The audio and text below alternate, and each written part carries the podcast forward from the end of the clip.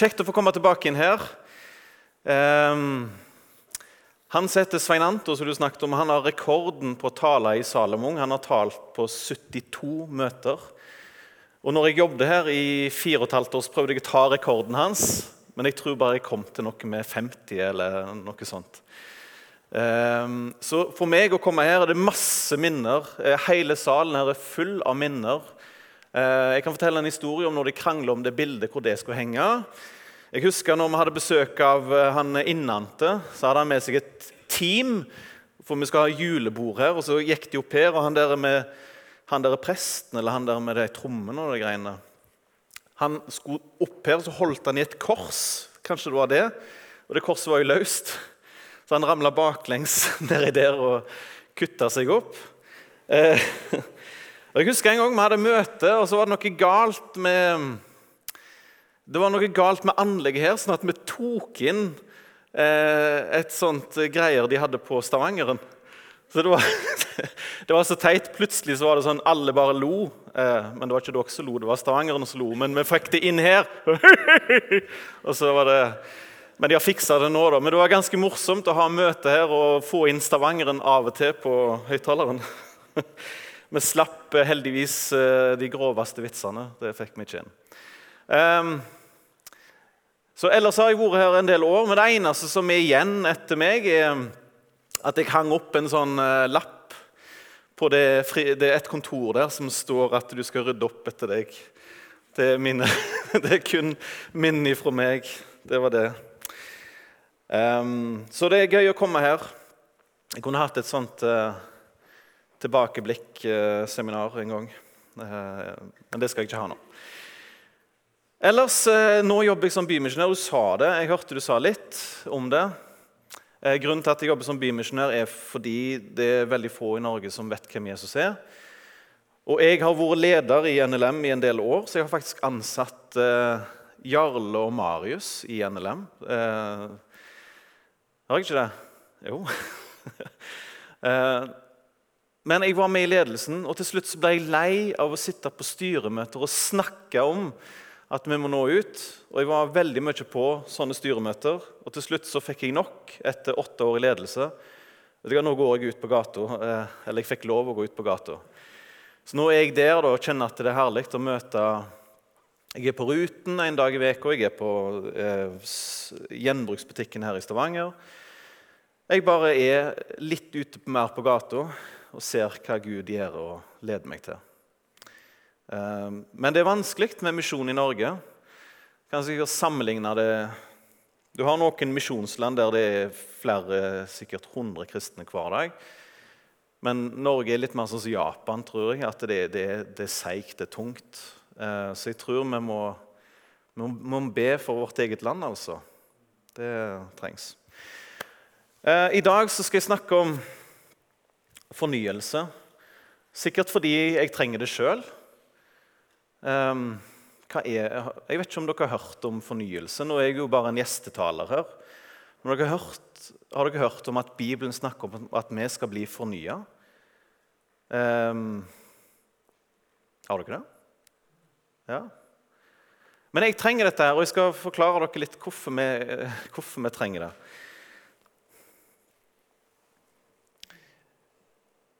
Her er et uh, nøkkelbibelvers. Bli fornyet i deres sinn ved Ånden. Og så står det òg 'men bli fornyet i deres ånd og sinn', en annen oversettelse. Og så Den oversettelsen der sier 'bli nye i sjel og sinn'. Vi kan faktisk sammenligne meg og Jesus som et ekteskap, eh, for, for egentlig så er meg og Jesus er som et ekteskap. Jeg er trolova med han. Jeg er han er brudgommen, jeg er bruden. Det er det bilder som, som Bibelen bruker. da. Et helt sånn Meg og Jesus, vi skal være ett. Jeg er i Han. Men så er det litt sånn som med ekteskap, et vanlig ekteskap. da, At vi kan, vi kan gå på rutinen. Jeg kan bli liksom Jeg, jeg kan miste begeistringen for Jesus, rett og slett. Nå har jeg vært gift. Jeg har en ring her. Jeg har vært gift i en del år. begynner å få barn og sånn. Og jeg, når, de første årene når du er gift, det er gøy. Da er til og med den første krangelen litt spennende. bare sånn, 'Oi, er det sånn du krangler?' Oh, oh, oh, så spennende. Men sånn blir det ikke etter hvert. Da, um, og etter hvert sånn, så er, det går ifra at du sitter til langt på natt og bare snakke i lag, og alt er så romantisk, og tenne tusen lys og sånne ting.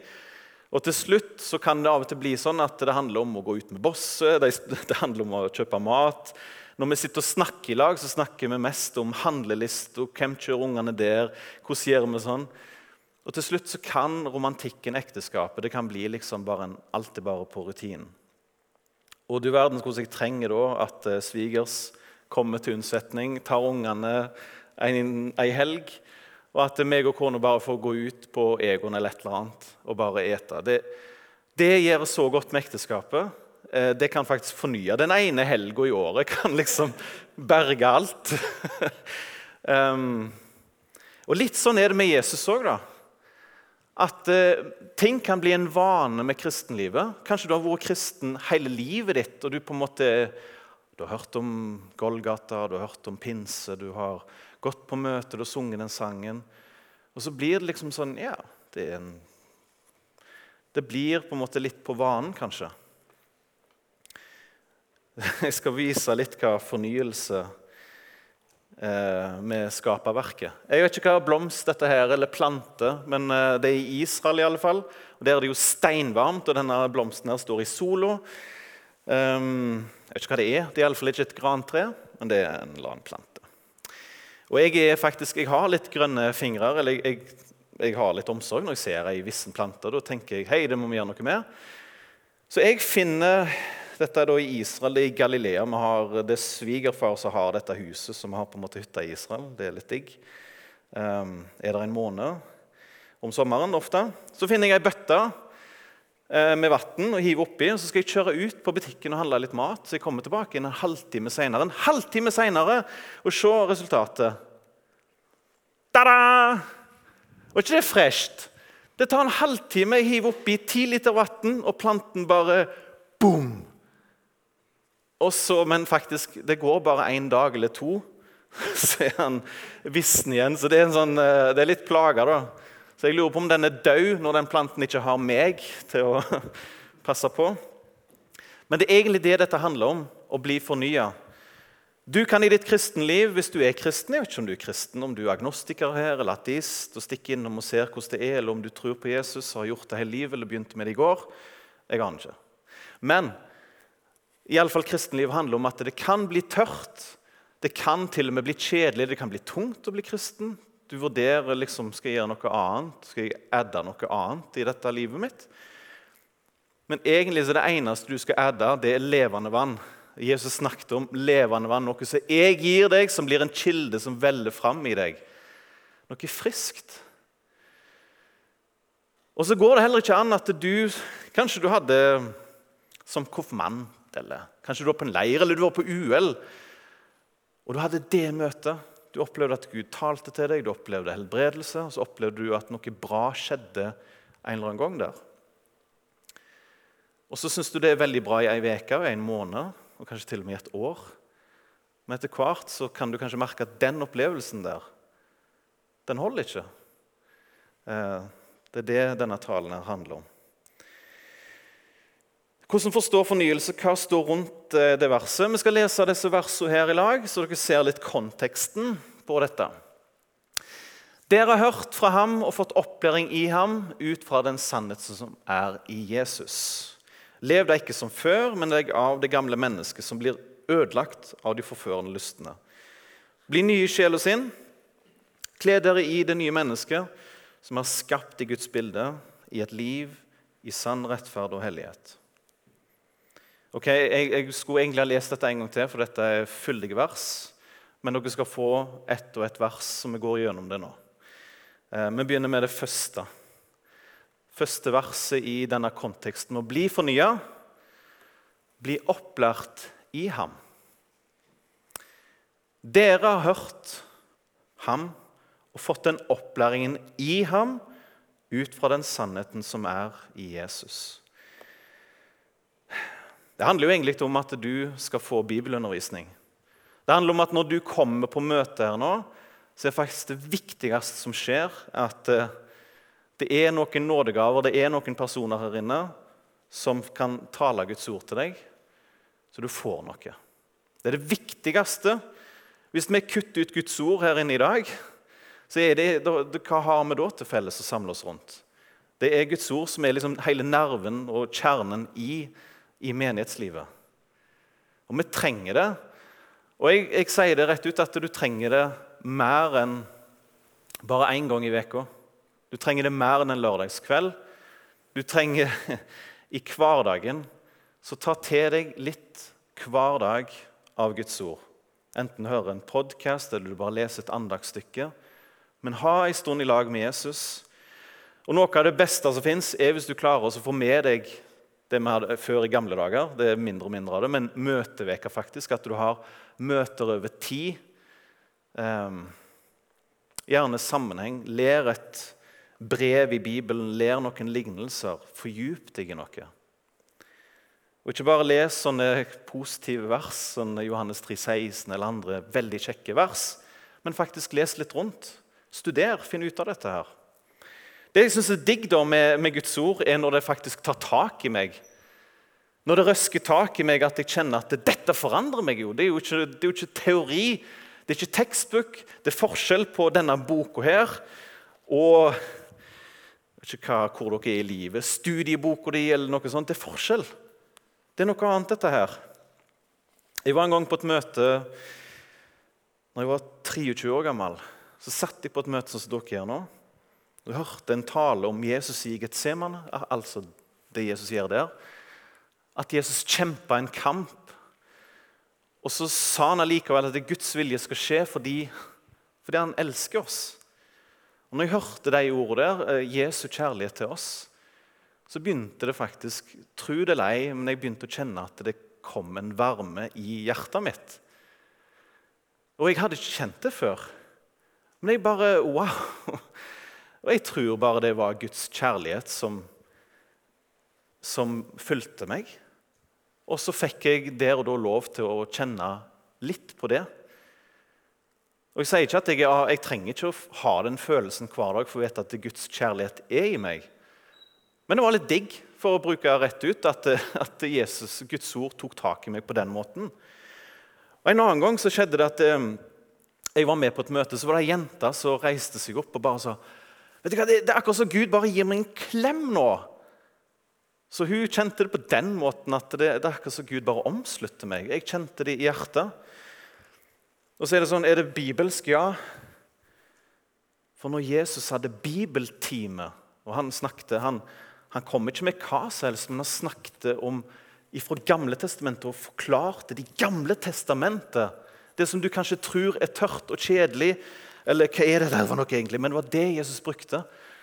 Og Så sa han det til noen som vi kaller for Emmausvandrerne, som gikk og snakket om i den tida når Jesus lå i grav og har blitt stått opp igjen. og De visste ikke om det, og de trodde at hadde håpet at han Jesus skulle fri oss vekk fra romerne. da, At han skulle sette oss fri. Og Så kom Jesus, skjulte seg. De visste ikke det var Jesus, han begynte å snakke med dem om det. Hei, Forstår dere ikke hva som har skjedd med Jesus? Han måtte jo lide og dø og stå opp igjen. Det står i Skriftene. Så begynte han å forklare de ting. Og mens Jesus snakker med dem ifra Bibelen, så sier de dette her. Da sa de det etterpå, når Jesus har forsvunnet og de skjønner at det var Jesus. Brant ikke hjertet i oss? For han talte til oss på veien og åpna Skriftene for oss. Um. Og Her står det òg La Kristi ord få rikelig rom hos dere.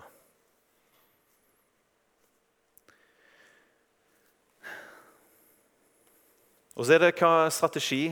Salomon, hvordan skal dere få til at Nord-Jæren blir tent i brann for Jesus? Hvordan Vil dere vokse?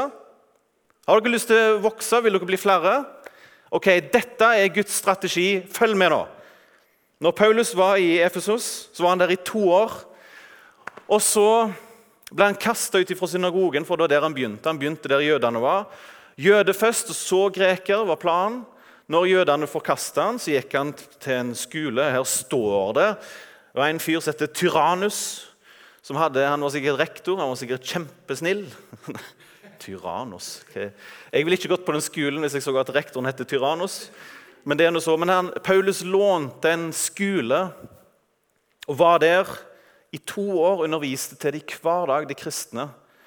Og så er det litt kult, for det står at dette fortsatte han med i to år. Paulus, Slik at alle som bodde i Asia, dvs. Si Tyrkia, da, kalt for Lille-Asia, fikk høre Herrens ord, både jøder og grekere.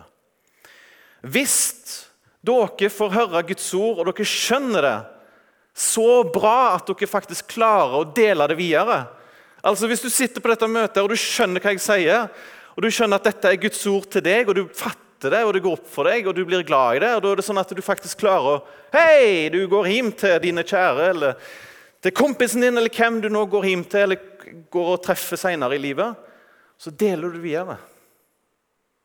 Du forteller det videre fordi dette er en del av deg. Dette var Guds strategi. Og vet du hvordan kristendommen gikk fram? Hvis du husker det ifra Kristendommen gikk fram som ild i tørt gress. Som det, det bare sprengte seg fram. Fordi Hva var det som skjedde? Jo, Paulus talte én plass, men alle i Tyrkia fikk høre om det. Jo, da nødt til at de kristne som hørte det, gikk ut ifra den skolen, så tok de med seg vitnesbyrdet videre når de besøkte andre deler av Tyrkia. Det er en fant Så egentlig sørg for at det er og Det er jo Marius som er eh, ungdomsleder. da. Men sørg for at det er en bibelundervisning her som gjør at dere skjønner det, dere tar imot det, og dere har evne å bli utrusta til å gå og dele det videre. For Det er faktisk deres jobb, det er ikke Marius. Marius skal bare undervise til dere her. Og så skal dere ta det med videre ut til studentene, kollegaene, familien og venner. Er det Stavangeren tror dere som kommer inn nå? Nei. Det er her er et eksempel. Nå skal jeg ta det helt ned til down to earth. Eh, til sånn, faktisk i min hverdag. Jeg hadde med Jeg har tre barn. Mariell på ti, Natalie på sju og Antelia på fire år. Vi var på en leir nå nettopp, og var, de fikk høre masse Guds ord. Og Dattera mi på ti år Mariell, hun ble litt gira, merker jeg. Hun, var sånn, hun fikk planer med klassevennene hvordan hun skulle snakke med dem om Jesus. Det er sånn, Hun er ti år gammel, og så legger hun en plan, en strategi for hvordan hun skal snakke med klassevenninna si om Jesus. Så jeg bare sånn, jeg hjalp henne litt, og sånt, og hun ville, hun ville ha det. og skulle gi til Hun skulle vise det bildet til hun. Jeg setter Elisabeth. Og hun lagde en plan. Og, og når hun kom hjem fra den leiren Bare vise bildet, da. Det var litt søtt, men Der er, der er dattera mi til venstre, Mariell. Og så er det hun Elisabeth ved sida av der. Eh, og hun Elisabeth bestemte seg for, Hun har blitt dratt med av Mariell på mange møter eh, lokalt. Vi går i Misjonssalen i Sandnes. Men, men, det som er kult, er at hun, hun, Elisabeth sa bare at eh, ja, jeg vil ta imot Jesus, jeg òg. Så Mariell hadde skaffa en sånn frelsesbønn, og de, de, ba den i lag på rommet. og eh, Vi klarte å skaffe en bibel til og hun skulle snakke med familien sin om det hjemme. Og alt det der, og nå går, er hun med på møtet. Så det er sånn Jeg blir jo gjort litt til skamme, for når var det jeg snakket med en kompis sist og fikk han til Jesus? Og så er det ei på ti år som har skjønt det. Det er liksom skjønt hva det går i. Og så spør jeg deg bare, spør deg rett, du Skjønner du hva det går i? Er du en kristen? Er du en disippel? Jesus elsker deg og ønsker å fylle deg med sin ånd og Guds ord og lære deg ting. Og så er jobben din å spre dette videre før det er for seint. Du er jo berga, for deg ikke for seint, men for andre mennesker. Men jeg syns det bare er søtt, og det, jeg håper det inspirerer deg litt. at du, Det står litt om det i Bibelen òg, at, at, at, barn Barn òg kan ha Den hellige ånd og bli brukt. Ok, Vers nummer to med det med fornyelse. Legg av det gamle mennesket. Legg av. Lev da ikke som før, men legg av det gamle mennesket som ble ødelagt av de forførende lystne. Det er jo på en måte vår kamp. Det er sånn åh, det er så mye fristende her på jord. Det trenger ikke være sånne grove synder som er fristende, men mange andre ting som bare er, er gøy, som tar tid. Hobbyer, interesser. Um, og så sier Vi kan falle i ting. Jeg hadde et manus her, men det har jeg jo helt uh, hva, det, hva er det jeg skal si nå, da? jo, det skal jeg si. Um, vi faller i synd. Uh, ikke bare sånn at vi, det er ofte sånn Når vi sier 'jeg faller i synd', så er det sånn ja, synd. Eh, det er akkurat som jeg bare sånn 'Å nei, jeg datt i den der', og så ramla jeg. sånn. Men jeg, jeg, faktum er at jeg ser synden her, jeg ser fristelsen her. Jeg legger meg bare ned. Jeg planlegger, jeg legger meg ned i det. I søla. Og kose meg der litt. Til jeg kanskje kjenner at Den hellige ånd stikker litt i meg og viser meg det er, det er ikke der du skal være. Og så står det òg Johannes skriver, 'Mine barn, dette skriver jeg til dere for at dere ikke skal synde.' Og hva er det han har skrevet? Jo, han har skrevet at eh, Han har skrevet før der ja, eh, ikke skal synde, Men om noen synder, så har vi en talsmann hos Far, Jesus Kristus, den rettferdige. Så du, når du ligger der i søla av synd, vet du hva Jesus sier da? I himmelen så tar Jesus og ber for deg. Han lager en plan for å reise deg opp igjen fra søla. Det er han som gjør at du kanskje våkner litt til og skjønner at det er ikke her jeg skal være. Da er det Jesus som har jobbet med deg, og du vil bekjenne og gå vekk ifra det. Hva var det Johannes skrev? Vi skal vandre i lyset, og vi skal bekjenne våre synder. Det fins ikke et alternativ til det. Vil du følge Jesus, gå i lyset. Vil du være en kristen, bekjenn dine synder. Ikke, ikke forson deg, ikke vær alliert med dine synder. Og hva er syndene, da? Sjekk de ti bud. Du kan ikke leve i konflikt med de ti bud. Bekjenn de til Jesus og få hjelp. Og til slutt Dette er kanskje det jeg ville kalle det for the juicy stuff. Men ikle deg.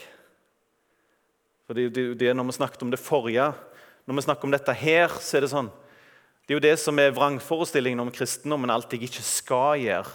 Å nei, å nei, jeg fikk ikke jeg fikk ikke festa vilt som jeg hadde lyst til, og jeg fikk ikke gjøre sånn og sånn. Så sånn ja. Ser du det bildet der fra Edens hage? Det er jo Adam og Eva som ble frista. Gud sa i sin kjærlighet til Adam og Eva at hele denne verden er deres. Kos dere. Pass på han. Hele verden er din. Du har fått en jordklode i gave. Vær så god. Eh, dyrk han, pass på dyra, eh, få barn. Og så hadde de òg samfunn med Gud. da. Vet ikke om du tenker på det, men Gud møtte de sånn regelmessig. Og så er det bare én regel ikke et av kunnskapens tre. Og så vil djevelen, djevelen vil framstille Gud og kristendommen som streng, som hard. Tar gleden ifra meg, gjør, gjør sånn at jeg ikke får gjøre sånn som jeg vil. Og Så var det bare én regel, bare ikke et av de tre, men ellers kos dere. Og Så vil du innse når du kommer til Jesus, at du har du er ikke bonden hos Jesus, men du har fått den fullkomne friheten. En frihet som overgår det som vi får her på jord. En virkelig frihet. Og så kommer dette her. Vi er fri til å være med Jesus. Vi er fri til å ta til oss alle hans gaver. Vi er fri til å ta til oss Den hellige ånd. Og så står det Kle dere i det nye mennesket som har skapt i Guds vilje, til et liv i sann rettferd og hellighet. Et annet vers sier Bli sterke i Herren, i Hans veldige kraft. Et annet vers sier òg Drikk dere ikke fulle på vin, det fører til utskeielse, men bli heller fullt av Ånden. Uh, det, det, er jo dette 99 eller enormt mange mennesker ikke ser og ikke skjønner. Hvis de skal tenke på kristendommen, så ser de bare nøtteskalle. Men de klarer ikke å se dette her. Og så er det til og med kanskje mange kristne også som ikke ser dette, for de har ikke gått de har ikke oppdaga det de har fått i Jesus. Og så skal vi bli ikledd Jesus, og det er det faktisk det som berger oss òg. For det står jo hos Johannes' åpenbaring Deretter så jeg en skare som sto at ingen kunne telle den, av alle nasjoner, stammer, folk og tungemål. Og De sto foran tronen og lammet, kledd i hvite kapper. Egentlig så er de kledd i Jesus. Og Så vil jeg bare vise et bilde da, for å forklare dette her enda enklere. Et bilde fra Gamle testamentet. Her ser dere Moses eh, som går ut. Iallfall eh, et bilde fra en film, de ti Ten Commandments. Eh, der går de ut ifra Egypt. Det er et bilde på når den gjengen der gikk ut ifra Egypt, at de er utfridd. Og når du som kristen kommer til tru, så er det på en måte det samme som skjer. Du, du, du vil omvende deg ifra det gamle livet. Du vil tro på Jesus, og det er veien til å bli utfridd. Okay? Så Israel de var i fangenskap i ca. 400 år, slaveri. Så kom Moses og Gud, fridde de ut. Det er et bilde på du er kommet til tro. Du skal bli dratt ut av slaveriet. Og det er jo djevelen som holder deg fanga. Så egyptisk slaveri er et bilde på djevelens fangenskap. Men du er nå fri, for du har kommet til tro på Jesus. Det neste israelittene gjorde, det var at de gikk i, gjennom Rødehavet. Og Rødehavet, når de gikk gjennom der 1,6 millioner israelitter gikk gjennom Rødehavet. Så er det bilde på dåpen. Det sier Nytestamentet og Paulus. Det er bilde på dåpen. De gikk gjennom, kom ut på andre sida. Så når du tror på Jesus, hvis ikke du er døpt ifra før av, snakk med pastoren din. Eh, få ordna en dåp og en konfirmasjon etterpå der igjen. det er jo digg å få konfirmasjon i 20-åra. Um, og Det neste steget for en kristen, da, eller for det som de gjorde, da, det var at de skulle innta det nye landet. Innta eller ikle. Så hva er det et bilde for oss som er kristne? Vi har fått et nytt liv, og det skal vi oppdage. Israelittene har fått et nytt land. Det skal de oppdage. Ser dere bildet nå? Snakker jeg helt gresk, eller er dette helt enkel tale? Israelittene gikk inn i et nytt land. Wow, vi har fått et nytt land i gave. Et nytt liv. Du er en kristen. Wow, du har fått Jesus, du har fått alle Guds løfter. Du har fått et nytt liv. Sjekk det ut. Men det som egentlig skjer, det er at vi sjekker ikke ut hva vi har fått. Grunnen til at jeg tror vi har en sånn fattigdom, en åndelig fattigdom Vi spør oss kanskje, det, det skjer av og til det er et eller annet som skjer i Vikeland. Har dere hørt om det?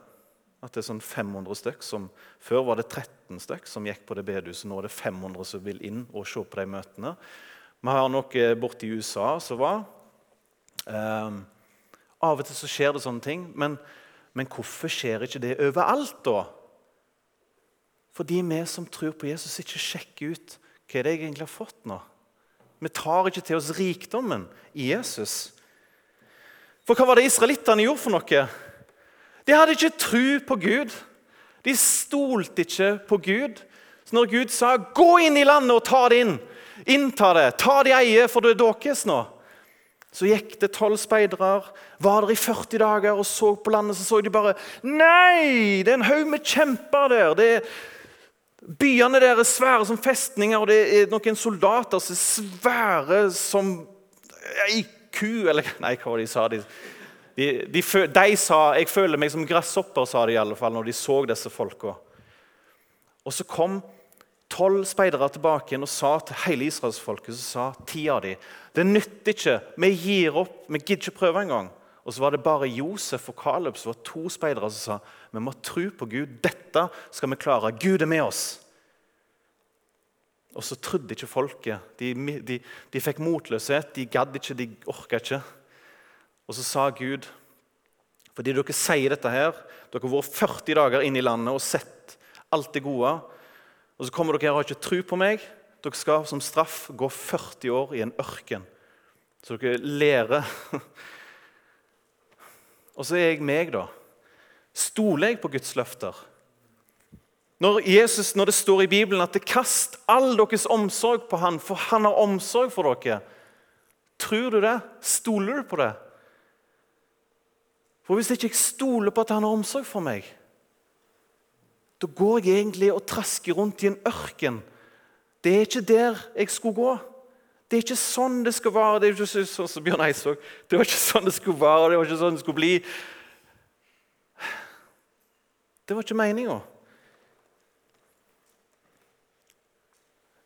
Så heldigvis, etter 40 år, så gikk Da var det Josfa som tok over lederskapet, og de gikk inn i Israels land.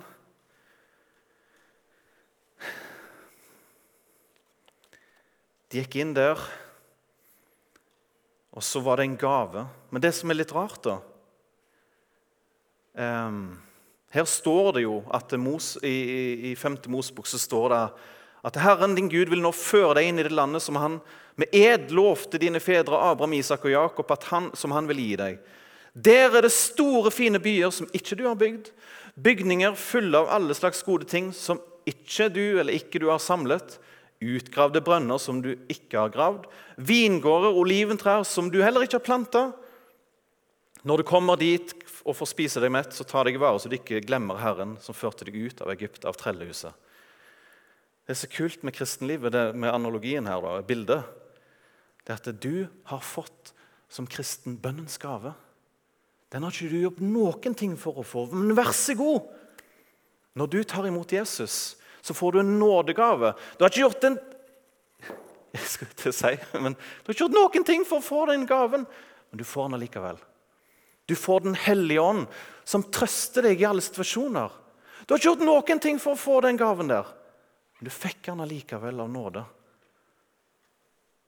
Du har fått makt over Satans hær. Du kan jage djevelen på flukt.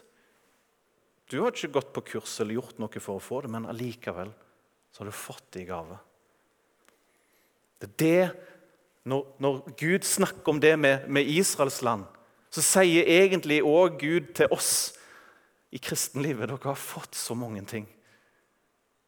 Du har ikke gjort noe av dette, her, men du får det i gave. Og så er det likevel, Ser du at Josfa står med et spyd?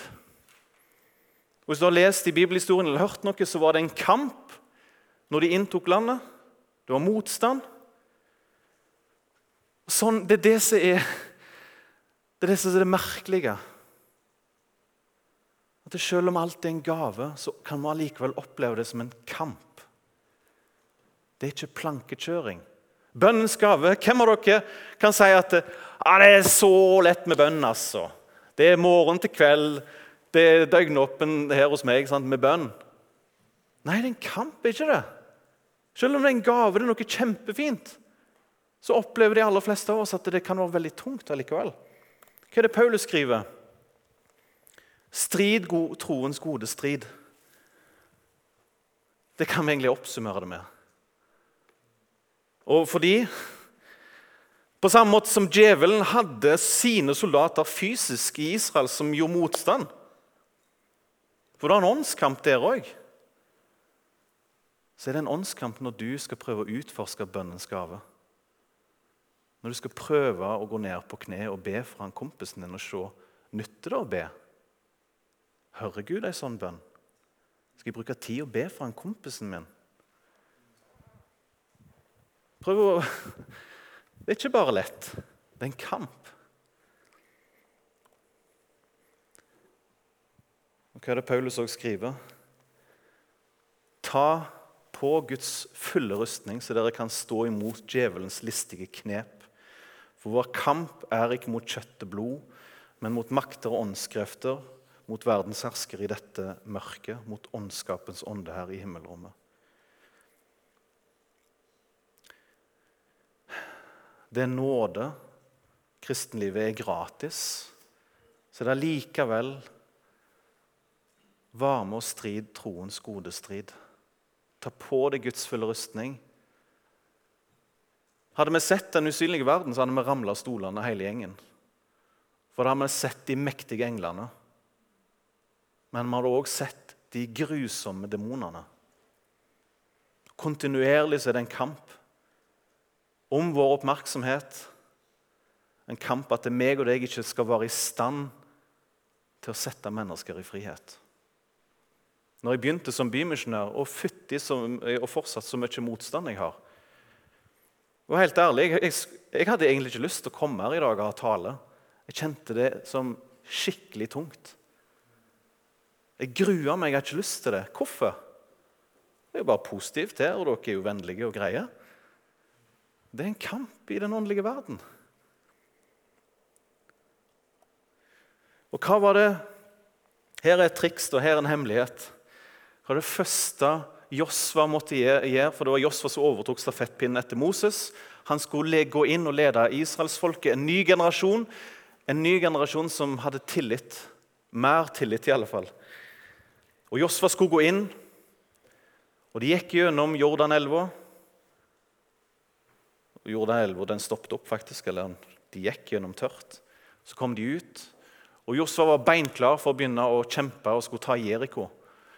Og Mens de var planlagt hvordan de skulle ta Jeriko by, for det var den første byen de skulle angripe, så kom det plutselig en mektig skikkelse med et sverd. Og Josva bare sånn Hei, eh, hvem er du? Er du med oss, eller er du med fienden, eller hvem er du egentlig? Og Så sier han bare nei. Nei. Jeg er høvdingen over Herrens hær, og nå er jeg kommet. Ta av deg sandalen, for du står på hellig grunn. Og Så måtte Josfa gjøre det samme som Moses, som Moses gjorde før den brennende busk. Ta av seg sandalene og gikk ned på kne. Så bøyde han seg, og han møtte Jesus Kristus. For det er han som er kongen, det er han som er Herren. Så Før vi kunne gjøre noe som helst, så skulle han ydmyke seg og bøye seg for Jesus før han kunne gjøre noe som helst. Så det er nøkkelen for at du skal ha et seirende kristenliv. Så må du være nær med Jesus før du foretar deg noe som helst. Ydmyke seg, sånn som Josfa gjorde. Det brukes tid, så klart. Du må kjenne Guds ord for å forstå Guds vilje. Forbli i den første kjærlighet. Og utforsk Guds gaver, bønneretten, nådegaver, nattverd, fellesskap osv. Jeg har veldig mye mer jeg kunne tenkt meg å sagt, men jeg tror jeg snart stopper der. Jeg har tenkt å si noe om, om gleden. Jeg har lyst til å si noe mer om eh, eh, fornyelse. Men jeg har lyst til å Jeg runder litt av nå. Begeret kan ikke flyte over heller helt. For jeg, jeg har lyst til å runde av med ei salme. Um, dette er ei bønn da, som David ba etter han hadde falt i synd. Han hadde tatt til seg ei kone som heter Batseba, som ikke var hans kone engang. Han var utro. Kong David han begynte å kjede seg. Vet du at det er Grunnen til at han tok Batseba For første gang så var han ikke med ut i krigen mot Israels fiender. Han holdt seg hjemme.